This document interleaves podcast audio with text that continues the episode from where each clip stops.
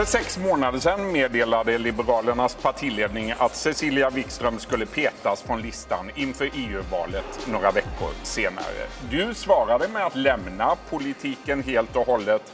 Nu har det som sagt gått ett halvår, tre månader sedan du lämnade ditt sista politiska uppdrag. Vad gör du idag? Jag lämnade inte politiken omedelbart utan jag fullföljde mitt uppdrag fram till den första juli. Mm. Så nu idag precis så har jag varit på ledighet i tre månader och det är mitt livs längsta ofrivilliga semester. Men jag har njutit i fulla drag.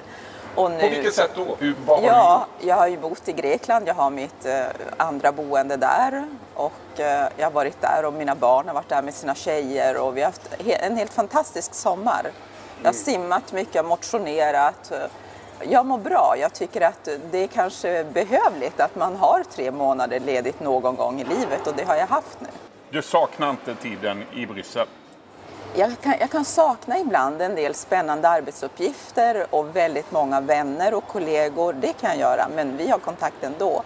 Eh, men jag saknar liksom inte det här att hela tiden stå på pass eller att varje dag arbeta i mellan 10 och 14 timmar. Det saknar jag inte. Så i efterhand nu så tror jag att det var bäst som skedde men jag kan beklaga den låga nivån på vilket eh, det skedde.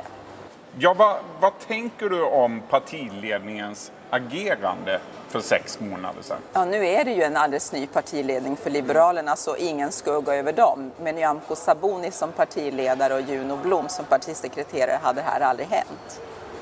Men det som då hände, det var det var att någonting som hade varit allmänt känt i ett år och som jag till och med hade informerat partiledningen om och fått gratulationer för det, att jag sitter i två fina svenska bolagsstyrelser som genererar jobb och välfärd i Sverige. Det sågs med så oblida ögon så att jag var tvungen att, att välja. Och vet du, jag är ingen sån som ger upp. Alltså, har jag lovat ett bolag och aktieägarna att jag ska sitta till nästa bolagsstämma, då gör jag det. Och det är, ingen, det är liksom ingen som petar mig från det för att man sätter tryck på mig som en kniv på strupen och trycker mig längre och längre in i ett hörn. Då slår jag tillbaka. Men Cecilia Wikström, kan du ändå förstå att människor reagerade när de fick höra att du tjänade 70 000 kronor i månaden utöver de Absolut. 80 000 som du hade för ditt politiska uppdrag? Men det hade varit ganska klädsamt om någon hade frågat vad jag tänkte göra med pengarna. Vad tänkte du göra med ja, pengarna? Det kan du kolla med UNHCR i Sverige. Vi hade ett mycket långtgående avtal om att jag skulle bli Sveriges största enskilda biståndsgivare till UNHCR, till exempel. Du skulle skänka allt? Mycket, ja. Kanske allt, men jag skulle först beskatta den här inkomsten och sedan ge bort den. Jag är ingen girig person. Men jag behövde en kompetensutveckling efter nästan 17 år i politiken. Jag började inte att träna inför något maratonlopp och jag började inte spela golf. Och jag satt inte ordförande i någon bostadsrättsförening. Allt sånt där tar fruktansvärt mycket tid. Men jag insåg att jag vill ta nästa steg och planera för, min, för min, eh, mitt nästa steg i karriären. Alltså jobba lite i näringslivet. Och det är inte första gången en liberal har gjort det. Alltså Olle eh, Olle Westberg berättade för mig att det var en merit när han var politiker, att han satt i Aktieägarnas styrelse. Eh, Ann Wibble som var vårt stora flaggskepp, hon satt samtidigt i riksdagen och i SE-bankens styrelse och tjänade dubbelt så mycket på det uppdraget som på riksdagsuppdraget och ingen sa halv sju om det. Man ska fråga vad folk tänker göra med sina pengar och man ska fråga vad det finns för bevekelsegrunder och det var ingen som gjorde. Och den roligaste grejen, Vet du Niklas?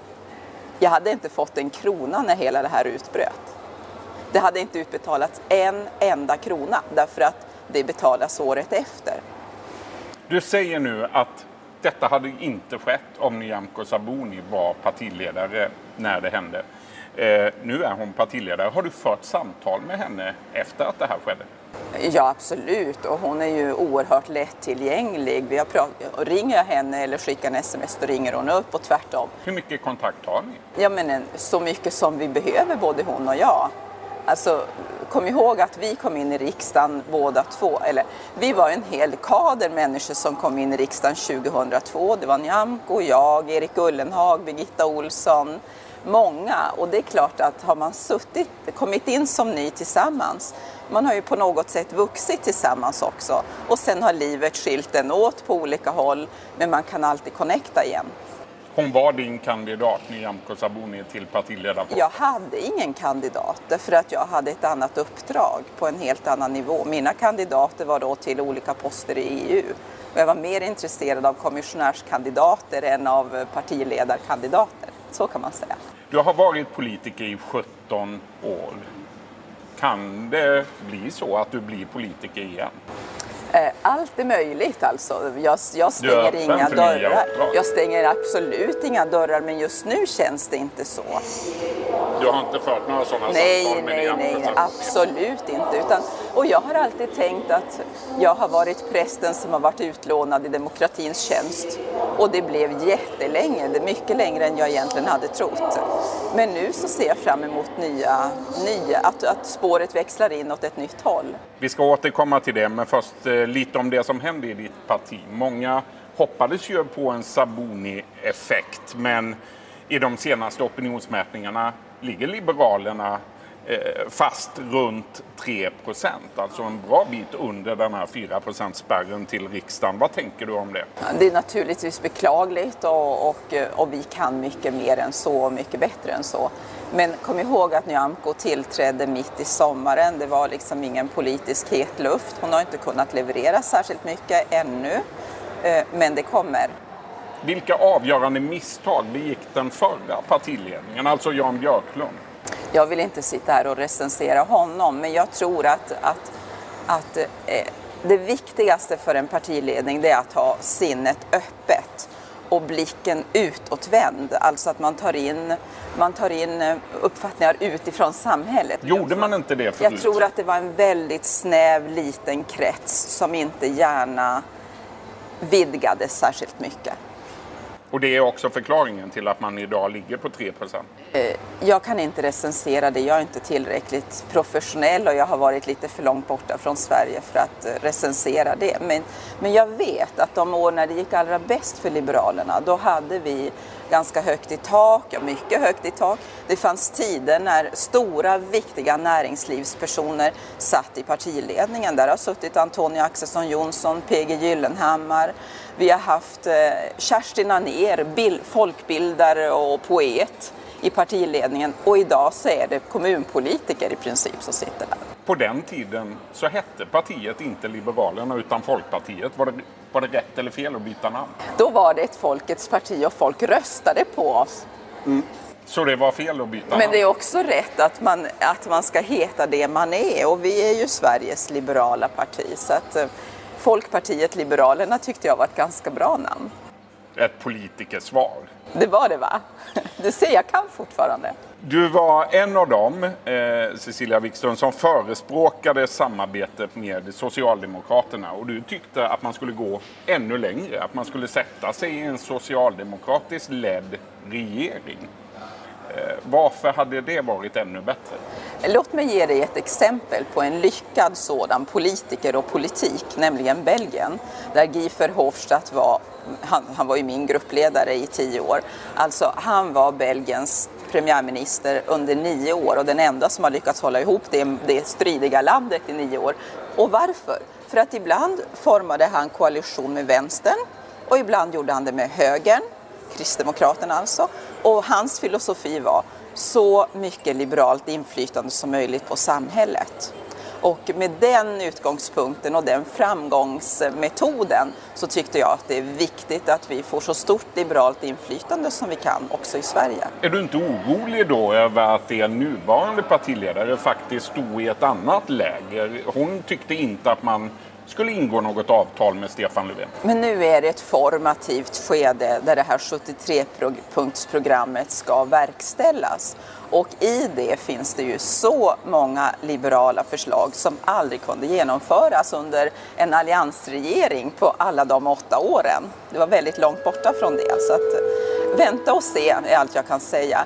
Och dessutom så tycker jag att eh, också efter mina tio år på den europeiska politiska scenen så kan jag tycka att den här cementerade blockpolitiken är förlegad och att ett land som Sverige, som egentligen är ett väldigt modernt, framåtsyftande, progressivt land, förtjänar bättre än att man ska eh, sluta sig i, i varsin absolut mörka tunnel och bara hata varandra. Nu låter du som Stefan Löfven.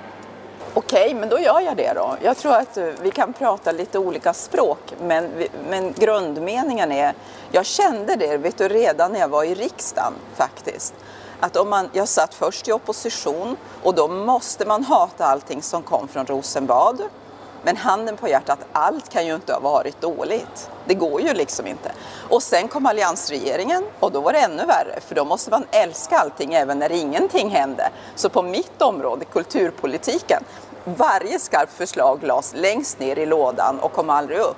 Och det var så himla tråkigt så att så att då kände jag, då får man inte ens säga det, nej, då ska man sitta still i båten. Det var första gången som jag sa till Jan Björklund då, nu lämnar jag politiken, det här är för dött lopp. Liksom. Så Lena Adelsohn Liljeroth var en dålig kulturminister? Nej, det vill jag inte säga. Det vill jag inte säga, men det hände inte mycket på kulturpolitikens område.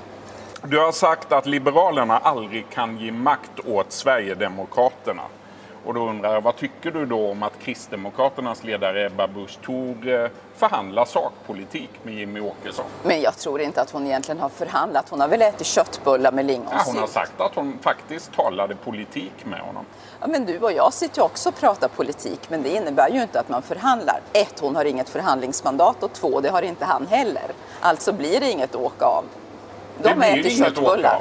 De har käkat köttbullar har vi sett det sista av alliansen, tror du? Eh, jag vet inte. Alltså man kan inte heller tala om att, du vet, Heraklitos, han sa bandarej, allting flyter. Du kan inte vandra över samma flod två gånger för det är nytt vatten som omsluter. Så är också politiken. Det som var då, fram till 2014, det gäller inte idag. Och, och, det innebär att vi behöver hela tiden revidera, göra nya tolkningar. Och det är det vi är dåliga på i Sverige. Vi hänger fast vid någonting som har varit och ser inte liksom, andra perspektiv och nya möjligheter. Det tycker jag är kännetecknande för svensk politisk debatt.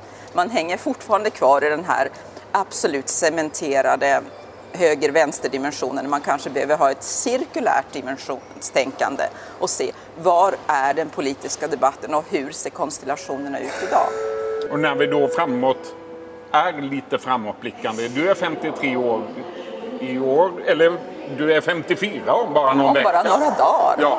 Cecilia Wikström, dina framtidsplaner, hur ser de ut? Förutom då att du behåller de här eh, styrelseuppdragen som blev som diskuterade för ett halvår sedan vad vill du mer göra framöver? Jag vill naturligtvis ha ett operativt arbete.